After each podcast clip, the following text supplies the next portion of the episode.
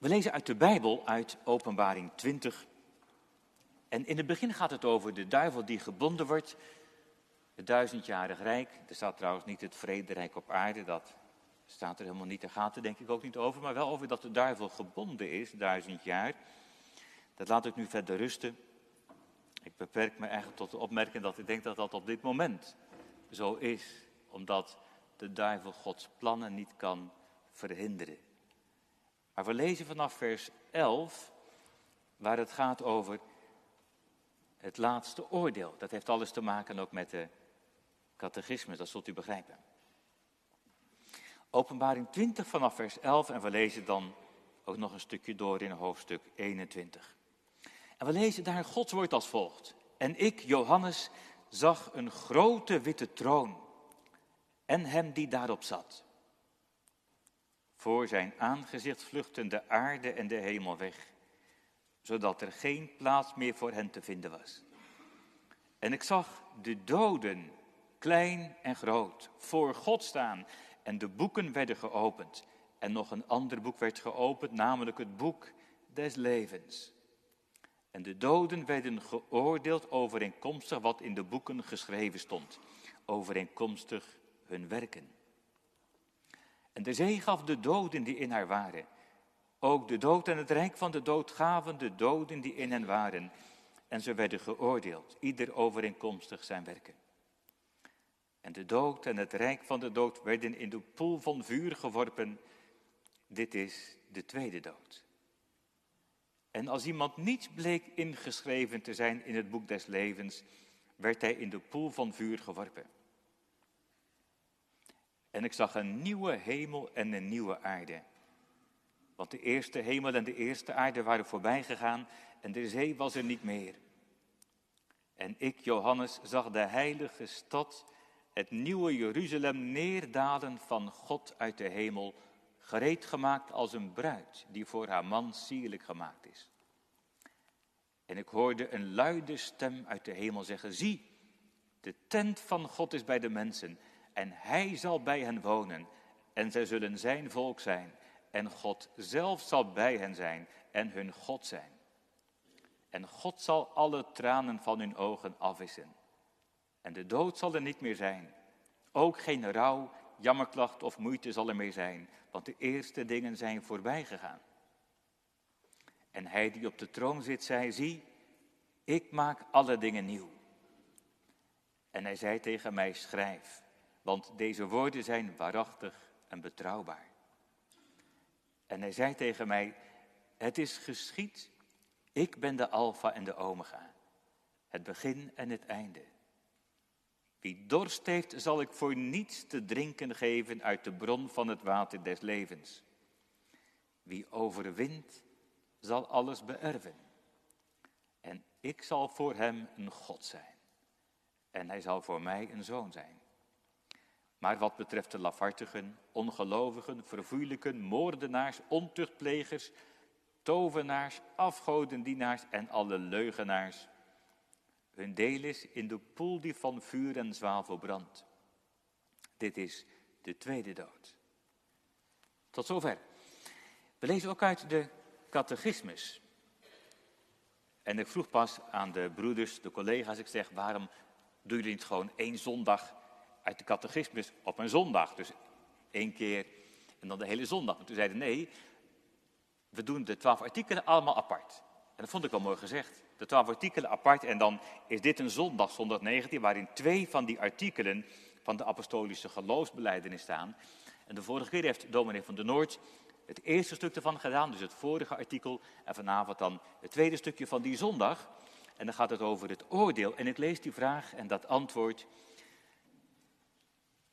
Welke troost biedt u de wederkomst van Christus om te oordelen de levenden en de doden? Het antwoord luidt dat ik in alle droefenis en vervolging met opgeheven hoofd hem verwacht als rechter uit de hemel. Hem die zich eerst om mijnentwil voor, voor Gods gericht gesteld en geheel de vloek van mij weggenomen heeft. Hij zal al zijn en mijn vijanden in de eeuwige verdoemenis werpen. maar mij met alle uitverkorenen tot zich nemen in de hemelse vreugde en heerlijkheid. Het mooie van de catechismus vind ik dat het niet zomaar een stukje oude dogmatiek is uit een ouderwetse tijd. Maar dat het iets gaat over het beleiden van de kerk van alle tijden en plaatsen. Die twaalf artikelen, dat weet u wel, die vertolken niet alleen de kern van de Bijbelse boodschap, maar ook het geloof van de kerk van vroeger en van vandaag en tot de laatste dag. Van alle tijden, maar ook van alle plaatsen. Die twaalf artikelen zijn wereldwijd erkend en worden wereldwijd beleden. En het gaat vanavond ook over een stukje van die twaalf artikelen, de apostolische geloofsbeleidenis, over Christus die zal komen om te oordelen de levenden en de doden. Het thema voor de preek, dat heeft daar alles mee te maken. Dat is Christus, de rechter die komt. Christus, de rechter die komt. Daar gaat het over in de preek zondag 19, vraag en antwoord 52, over dat artikel in de apostolische geloofsbeleidenis. Gemeente, wat dacht u eigenlijk toen u dat zo las, als u meelas? Dan gaat het over troost en over het laatste oordeel. Nou jongelui, ik weet niet wat jullie denken bij het laatste oordeel. Ik weet niet of jullie dan als eerste aan troost denken. Misschien wel, misschien ook niet. En doorgewinterde kerkgangers die misschien al een leven lang de catechismus hebben gehoord, die, die kunnen het misschien wel dromen. Maar dan toch, als je denkt aan troost, ja, dan denk je misschien eerder aan zondag 1 van de catechismus. Wat is uw enige troost in leven en in sterven? Maar hier gaat het over het laatste oordeel. Wat heeft die oordeelsdag met troost te maken? Het staat voor ons gevoel misschien wel haaks op troost. Ik weet dat ik als kind, als ik dan wel eens zag dat de lucht rood kleurde, dat ik was heel bang werd. Dat ik dacht, stel je voor, als Jezus vanavond komt, nou, ben ik dan wel klaar? Dat ik bang was voor het laatste oordeel. Dat je huivert als je denkt aan de dag dat hij komt op de wolken om te oordelen de levenden en de doden. Zo beleiden we met de kerk van alle tijden en van alle plaatsen.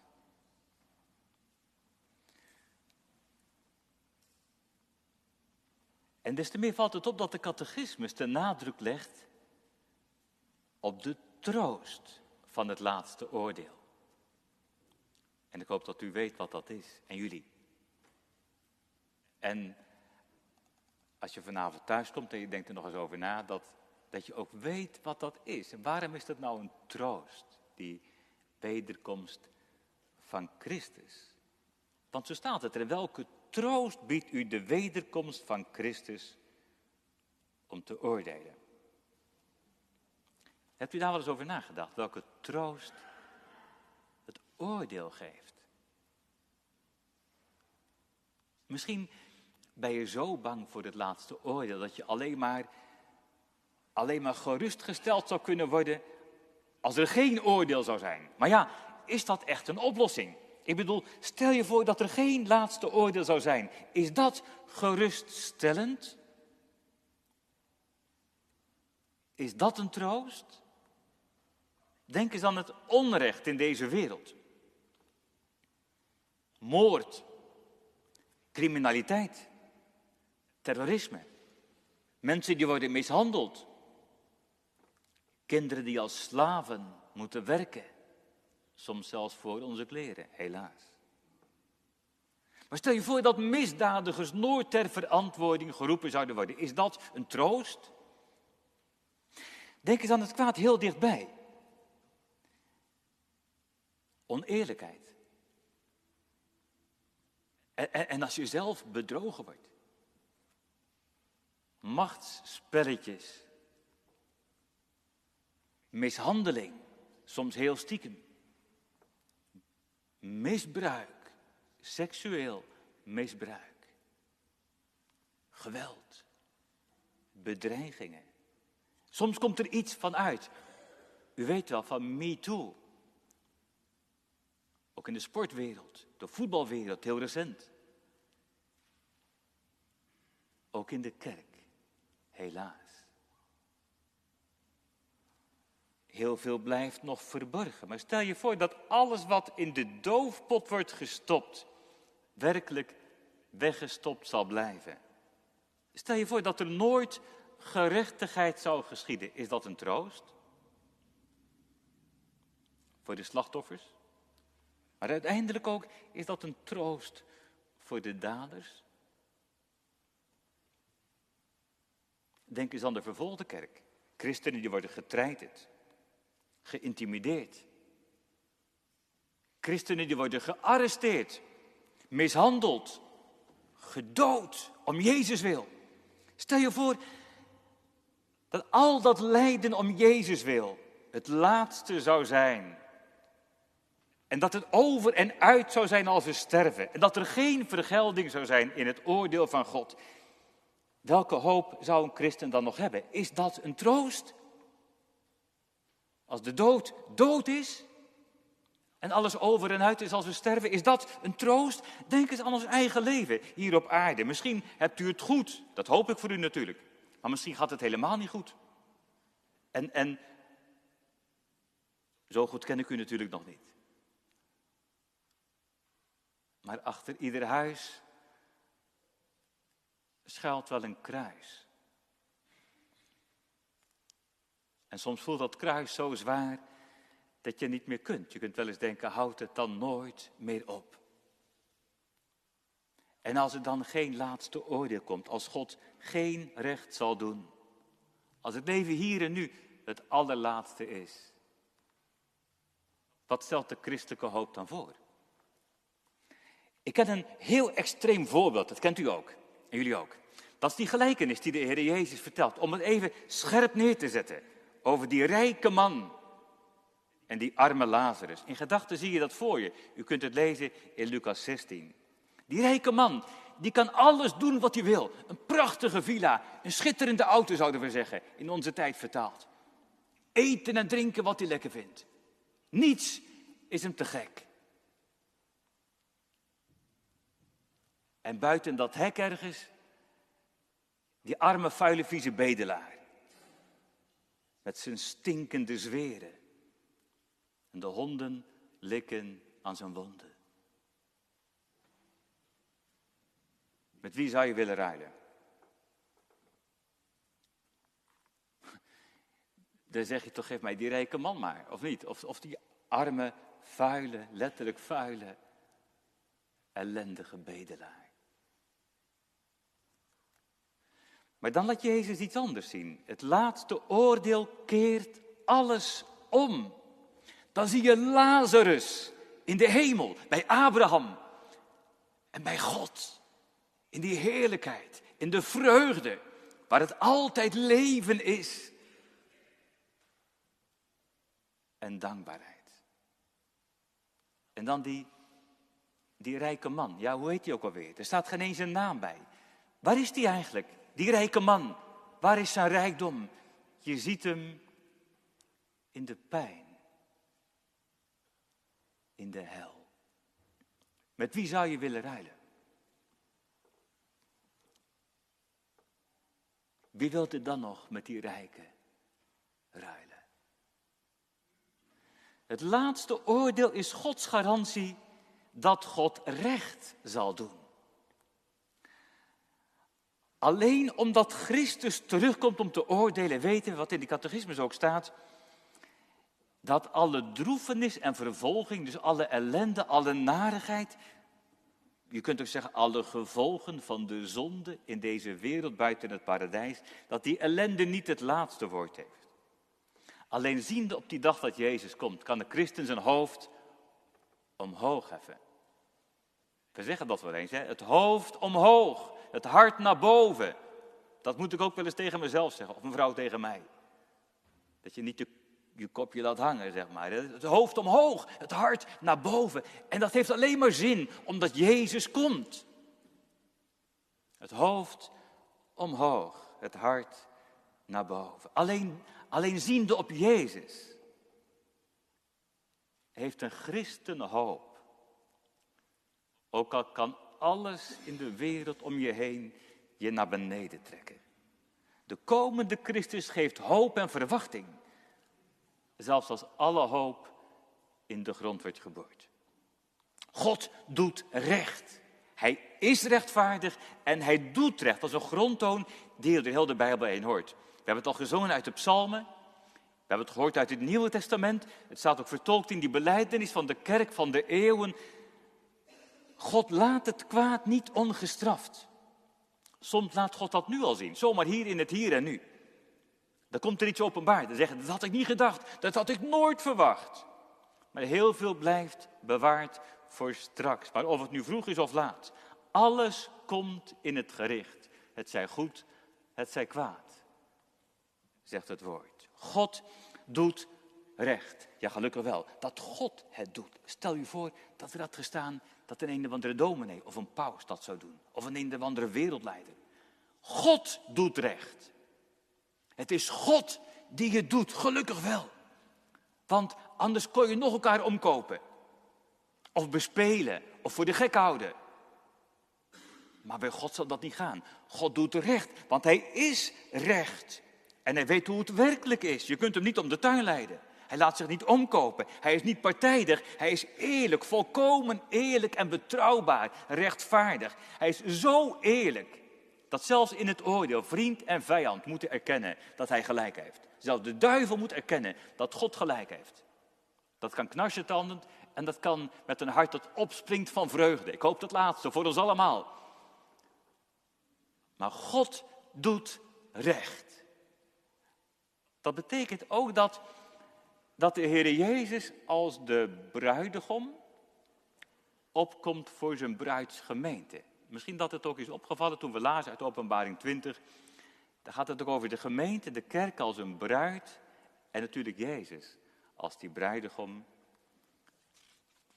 Hij komt op voor zijn bruidsgemeente, voor zijn kerk op aarde. Dat is in het oordeel. Maar ja, zegt u, dat is nu toch ook al, inderdaad. Daar ging het de vorige keer over, die preek van dominee van de Noord. Want als de Heer Jezus aan de rechterhand van zijn vader is, dat is het begin van zondag 19, dan zit hij daar niet te slapen. En dan laat dit allemaal niet een beetje gebeuren, maar er is hij klaar wakker. Dag en nacht waakt hij over ons. Hij waakt over zijn kerk als het hoofd van de kerk. En er staat er ook over die macht van hem. Hij gebruikt die macht ook nu al. Om zijn kerk op aarde te beschutten en te bewaren. Daar kan de duivel niet tegen. En daar kan de duivel ook niet tegenop. Daarom zei ik al dat openbaring 20, ook dat stukje voor waar we begonnen te lezen, over dat, dat gebonden zijn van de duivel, dat dat nu ten diepste al is omdat Jezus op dit moment ook zegt, mij is gegeven alle macht in hemel en op aarde. En die macht gebruikt hij om zijn kerk op aarde te beschermen. En toch zegt u misschien, ja, maar er gaat er zoveel kapot. Er gaat er zoveel kapot in gezinnen. Er gaat zoveel kapot in huwelijken. Er gaat zoveel stuk in mensenlevens. Ook in kerken, in gemeenten, ook in landen. Denk aan Oekraïne. Daar gaat zoveel kapot. Zoveel ellende. Dan denk je, die duivel die kan dat toch nog maar heel wat voor elkaar krijgen. Hij gaat nog rond als een briesende leeuw. En dan denk je, Heere God, waarom? En Heere God, waarom laat u dat toe? En dan, dan, dan weet het geloof wel, u kent uw woorden Romeinen 8, wij weten dat voor hen die God liefhebben, alle dingen medewerken ten goede. En dat is waar. Maar dat zie je niet zomaar als je om je heen kijkt. Soms lijkt het precies andersom. Dan lijkt het alsof alle dingen medewerken ten kwade. Alsof het alleen maar fout gaat. Je ziet dat pas als je verder ziet. Daarom is het voor ons belangrijk dat we niet alleen het nieuws goed tot ons door laten dringen, dat is wel belangrijk, hè? dat je weet waar het over gaat in deze wereld. Dat je de wereld kent, dat je ook het nieuws kent. Maar, maar een christen leert ook verder zien. Dat is een, een levenslange oefening. Want we hebben ook nog wel wat ander nieuws. De Bijbel is onze tijd vooruit. Een christen die leert niet alleen maar om zich heen te zien, maar ook om vooruit te zien. Je ziet het pas in het licht van Christus die komt. In het licht van het laatste oordeel. Dat is een heel belangrijke oefening in het geloof. Om de dingen die je ziet, die je meemaakt, te leren zien in dat perspectief van Christus die komt. Dan ziet het er heel anders uit. Denk maar aan die rijke man en die arme Lazarus. Wat is het laatste oordeel dan een troost? Er komt een dag dat God definitief afrekent met alle kwade machten. Met de duivel, met alles wat bij de duivel hoort. Dat is de troost van zondag 19. Dat is ook de troost van openbaring 20 en 21. Maar dat is ook eigenlijk een hele bijbelse troost die heel de Bijbel doortrekt. Er komt een dag, met de woorden van antwoord 52, er komt een dag dat hij al zijn en mijn vijanden in de eeuwige verdoemenis zal werpen. Laat ik het zo zeggen. Dat, dat wil zeggen dat het laatste oordeel ons garandeert. Dat er op de nieuwe hemel en de nieuwe aarde geen duivel meer zal zijn. Je kunt er nu zoveel last van hebben, maar die zal er niet meer zijn. En, en dat ook dat zondige in je eigen hart er niet meer zal zijn. Het laatste oordeel is Gods garantie. Dat er geen vrienden meer zullen zijn die je meenemen in het kwade. Maar ook dat je zelf niet meer voor iemand een valstrik zult zijn. Dat er geen kwaad meer is en geen verleiding en geen bedreiging. Daar ligt het heil vast en zeker tot in alle eeuwigheid. Ja, wanneer zal dat zijn? Hoop dat u dat vraagt, dat je wilt weten, wanneer zal het zijn? Dat je, dat je daar verlangt. Ja, wanneer? Ja, wat zal ik zeggen? Ik kan er wel wat van zeggen. Ik heb mensen horen zeggen, ik weet zeker dat ik het in mijn leven nog meemaak. Maar ik weet ook van mensen die dat hebben gezegd en die inmiddels begraven zijn. Nou ja, kun je zeggen dat ze nog wel leven, maar dat is weer wat anders dan ze bedoelden. Ik weet het niet. Ik weet echt niet wanneer het zal zijn. Het kan vanavond. Het kan morgen. Het kan ook over honderd jaar. En u mag er van mij van denken wat u wilt. Het maakt niet zoveel uit wat wij daarvan denken. In de tijd van Augustinus was het een onrustige tijd met economische spanningen. Ze maakten de val van Rome mee, dat wereldrijk. Toen waren er heel veel mensen die zeiden, nu zal Jezus spoedig komen. En Augustinus die zei heel nuchter, dat hoop ik ook en dat kan heel goed, maar dat kan ook nog wel duizend jaar duren. Hij zei, houd er maar rekening mee dat je leven vroeg genoeg ten einde is. Hè? Als, of de Heer Jezus nou komt of niet, dan, dan, ja, dan zullen we wel sterven.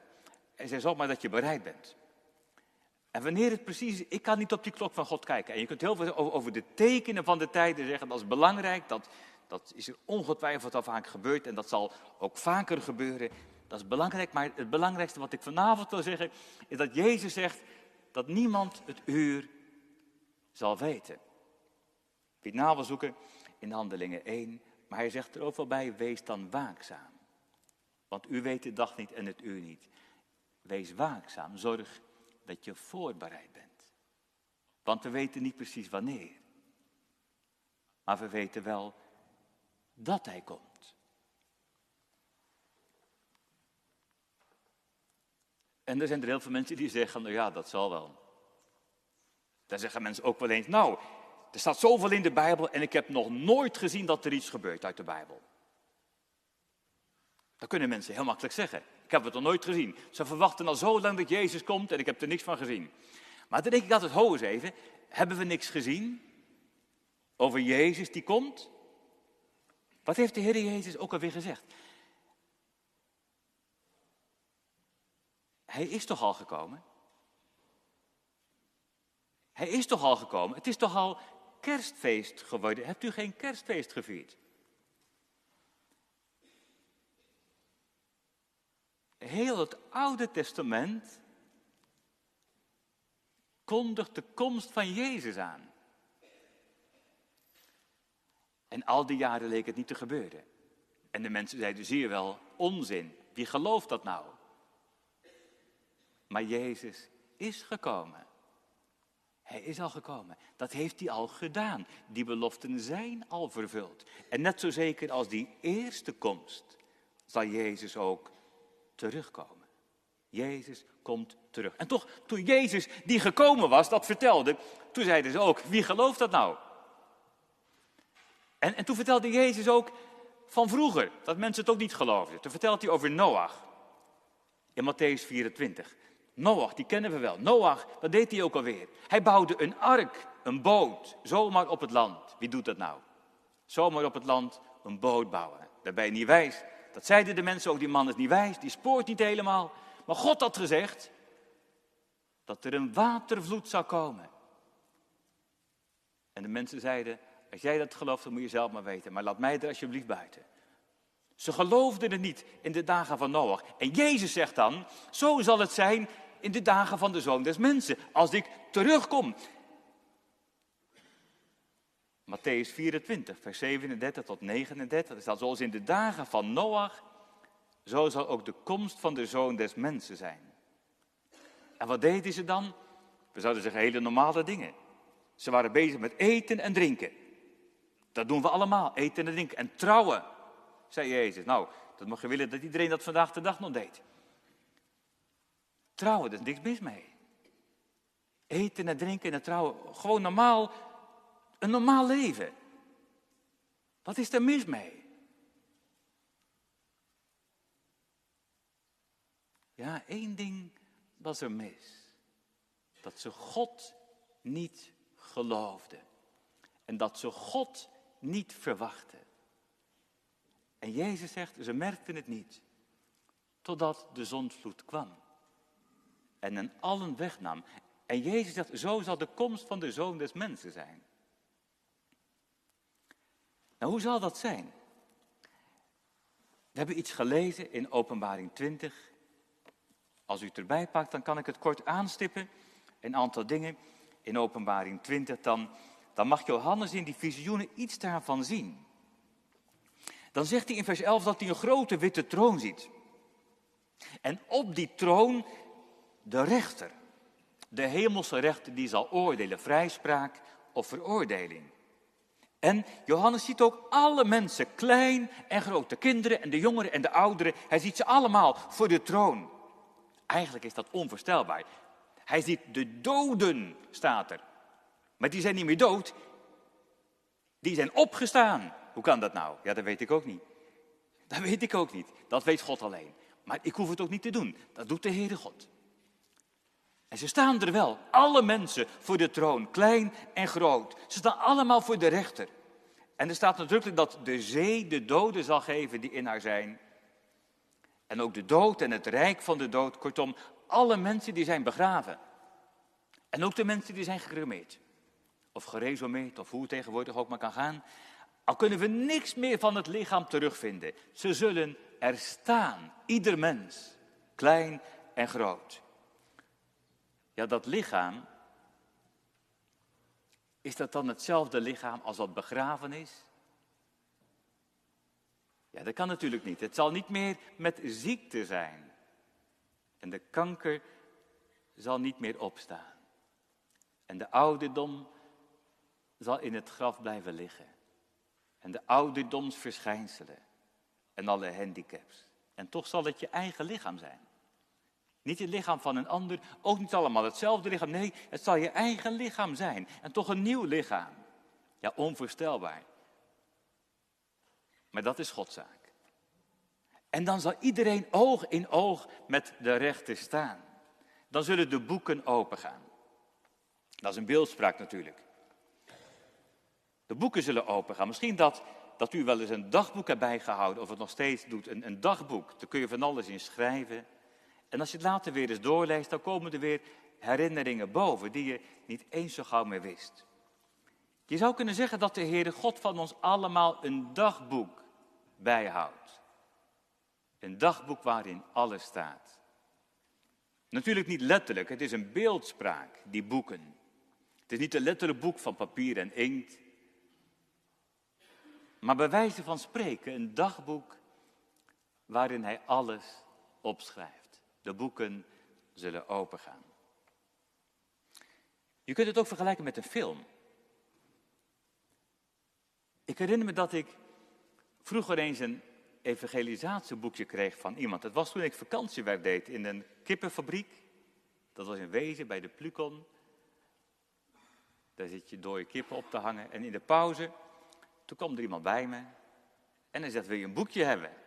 Nou, een boekje wil ik altijd wel hebben. Was een evangelisatieboekje. Dat was een, een jonge man, die kwam denk ik uit een, een of andere evangelische gemeente, ik weet niet precies. En, en dat boekje, dat ging over de film van ons leven. En dan zie je eigenlijk je hele leven. Dan zie je eerst een baby in mama's armen.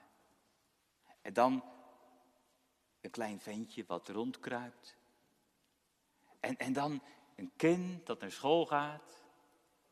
Een jongere die opgroeit. De jonge volwassenheid. En later, als je ouder wordt, je eerste kattenkwaad. De schuine moppen met je vrienden. Die roddels met je vriendinnen, dat kwaad spreken. Misschien wel je eerste diefstal thuis. Je geruzie en je gekibbel. Je opschepperij. Je fantasieën. Je dromen. Dat je terughoort alles waarnaar je hebt geluisterd. En Jezus heeft het ook gehoord. En dat je terugziet alles waarnaar je gekeken hebt. En Jezus heeft meegekeken. Niet alleen wat je gedaan hebt, ook wat je gedacht hebt. Wat je gezegd hebt. Al die jaloerse gedachten, al die hooghartige gedachten, die egoïstische verlangens. Stel je voor dat die film van je leven vanavond werd afgespeeld hier in de kerk. En dan niet de leuke film die je op eh, YouTube zet of zo, van allemaal successen, een superfilm van mijn leven. Nee, alles wat in je hart geweest is. Als alles hier wordt geprojecteerd. Nou, als het van mij was, ik zou me wegschamen. Als u alles zou kunnen zien en alles zou kunnen weten.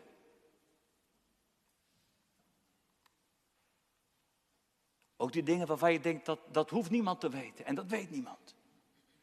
Die duistere afgronden in je eigen hart. Je zou je toch wegschamen voor elkaar. En dan zijn we allemaal mensen die zondige mensen zijn. We kunnen allemaal zeggen, nou, er is niemand hier die een schone lei heeft, om zo te zeggen.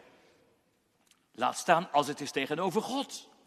Die heilig is, die rein is, die zuiver is. Voor hem gaan alle boeken open, staat er in de Bijbel. Voor hem komt alles openbaar. Voor hem die alles weet. Hij weet het allemaal al lang. En hij zal vragen, hoe heb je geleefd? Hij zal het u vragen en jou en mij. Wat heb je gedaan met je leven? Heb je me lief gehad of niet? Heb je me gediend of niet? Heb je echt je naaste lief gehad als jezelf of niet? Heb je echt gegeven om die ander? Of kon het je niks schelen als ik mijn eigen ding maar heb? Heb je naar mijn woord geluisterd of niet? Of kon het je niks schelen? Wees eens eerlijk, wie kan er met een goed geweten die oordeelsdag tegemoet zien? Slaat de schrik je niet om het hart. Dat is ook iets van het oordeel dat komt. Dat is het werk van de Heilige Geest. Die laat je heilig schrikken. We hebben het ook gezongen. Psalm 130. Zo gij in het recht wilt treden als God echt rechter is. Echt rechtszaak voert tegen mij. En gadeslaan ook mijn ongerechtigheden. Wie kan er dan bestaan? Ja, wat moet je dan doen? Het zou toch over de troost gaan, zegt u misschien. Ja, wat moet je dan doen? Moet je dan proberen het allemaal goed te praten? Zo van, het valt allemaal wel mee. En we zijn allemaal wel eens een keer in de boot gegaan en dit en dat. Ja, je kunt ook wel zeggen, je moet niet uh, over zulke dingen praten. Dat is helemaal niet uh, nodig. Alsjeblieft, begin over wat anders in de kerk. Dat kun je ook zeggen, ik wil het helemaal niet horen. Maar dat helpt natuurlijk ook niet, want want God zegt het wel. Moet je dan zeggen, ja, het valt met mij wel mee. Maar als je eerlijk wordt voor God, dan kom je daarmee niet meer weg. Wat moet je dan doen? En jongelui, ik hoop dat het antwoordje als het ware in je leven gegraveerd is. Wat moet ik dan doen? Er is maar één antwoord. Ermee naar Jezus. ermee naar God. Ho eens even, zegt iemand. Ho eens even, hij, hij, is toch, hij is toch de rechter? Ik bedoel, wat heb je van een rechter te verwachten? Als je schuldig bent, als je onschuldig bent, dan kun je zeggen, nou, ik wil bij die rechter wel zijn, want dan zal hij me misschien wel vrijspreken. Maar dat hoeven wij bij God niet te verwachten, want we zijn niet onschuldig. We zijn schuldig, des doods schuldig, zegt de Bijbel. Een eerlijke rechter kan dan maar één ding doen, dan moet hij ons veroordelen. Dat is bij aardse rechters. Maar dat is niet bij de hemelse rechter. En daar komen we bij die diepste grond van de troost. Waar het over gaat in deze zondag. Die, die diepste grond van de troost. Want, want wie is onze rechter eigenlijk? Ja, kunt u zeggen, dat, dat, dat is God natuurlijk. Inderdaad, dat is God, ja. En ik had als kind heel vaak dat ik best wel bang was voor God. En dan dacht ik, weet je wat, dan, dan moet ik schuilen bij Jezus. Alsof Jezus toch heel anders dan de Vader is. Maar, maar wie is onze rechter eigenlijk? Wat beleiden we nou met de kerk van alle tijden en plaatsen? Wat is nou wat de Bijbel zegt? Wie is onze rechter?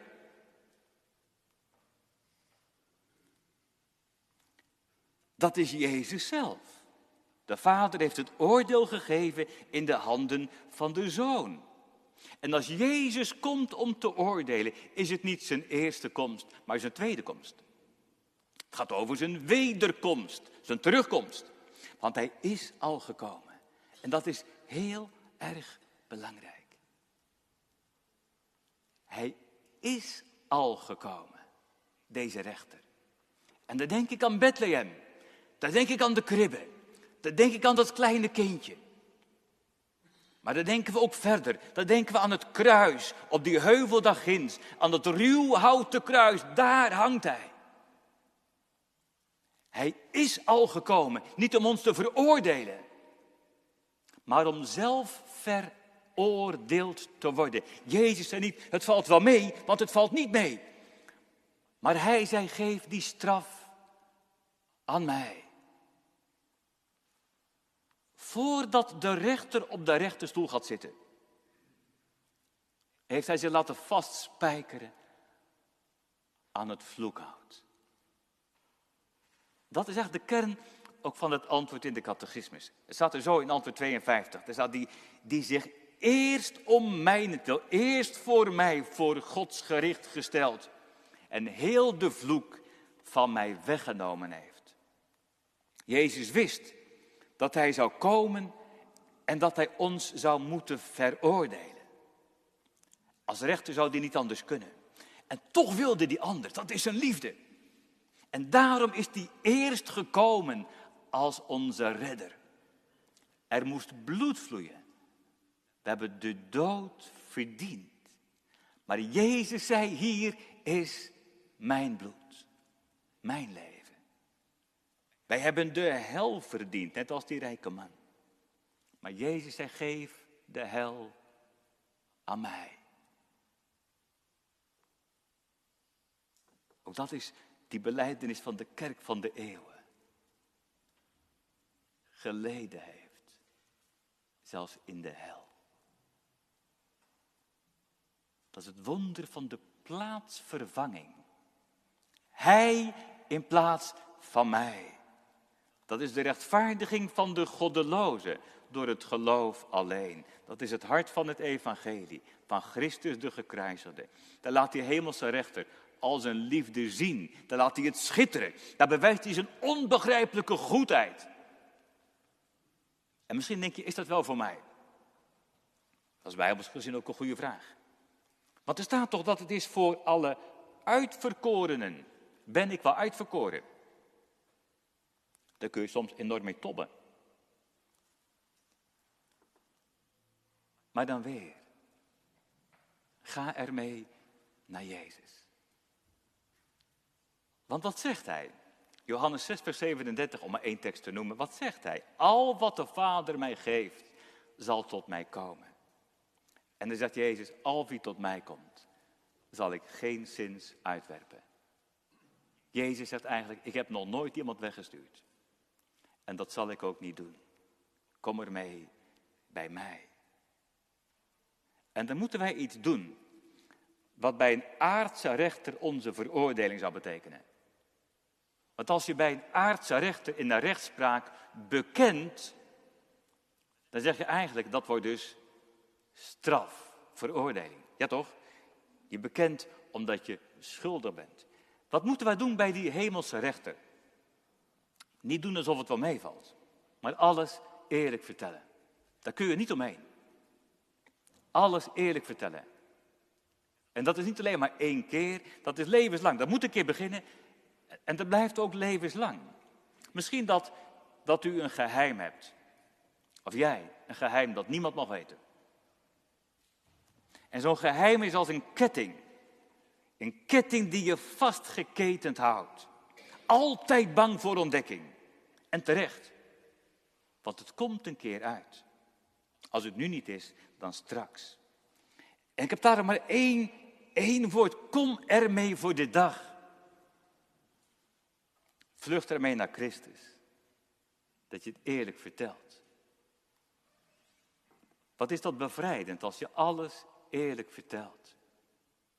Om ermee naar Jezus te gaan. Zonder jezelf te sparen. Als je het Hem beleidt, schuld erkent. Dan valt die meedogenloze ketting als het ware aan stukken. Dan kan de duivel wel zeggen, weet je niet meer wat je gedaan hebt? Maar dan heeft hij geen vat meer op je. Dan kun je openlijk zeggen, ja dat weet ik best. En dat weet de Heer Jezus ook, want ik heb het hem allemaal verteld. En, en toch heeft hij zich over mij ontfermd. Ben ik veilig bij Jezus. Want hij heeft mijn straf betaald. Hij wilde in mijn plaats sterven. Hij heeft alles volbracht. Ook dat is Psalm 130. Maar nee, daar is vergeving altijd bij u geweest. Dat is het evangelie, dat ik u en jou mag verkondigen. En daar moet ik het zelf ook van hebben, iedere keer weer. In de naam van deze hemelse rechter. In de prediking biedt deze rechter zich aan als onze redder. En in dat woord had hij zijn liefde schitteren. Om ons te brengen bij het kruis. En, en, en dat is iedere keer opnieuw. Dat is iedere keer opnieuw leven van genade. Dat is iedere keer opnieuw alles openleggen voor Hem. Als het ware een boekje open doen voor Hem. Iedere dag leven van genade. Daarin raak je nooit uitgeleerd. Daarin wordt Hij steeds groter voor je. Dan word je zelf steeds kleiner. Je kunt het ook zo zeggen. Hoe meer je daarvan leert, hoe meer je de troost van deze zondag leert kennen. Hoe meer je uit die troost leert leven. Want hij die komt om te oordelen is geen vreemde. Hij is niet een boeman, maar hij is mijn liefste. Ja toch? Hij is Jezus, mijn liefste, mijn heil en mijn vreugde. Er staat een prachtig zinnetje in de psalmen, we gaan het zo meteen ook zingen. Uw komst is het die mijn heil volmaakt.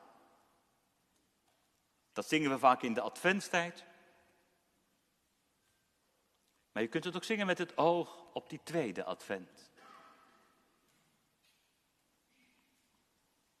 Als de bruidegom zijn bruidsgemeente komt halen. Als je voor goed verlost bent van alle kwaad, van alle ellende. Als je bij Hem mag komen in zijn heerlijkheid. Dat zal rijker zijn dan het paradijs ooit geweest is. Dat zal geen zonde zijn, dat zal geen kwaad zijn.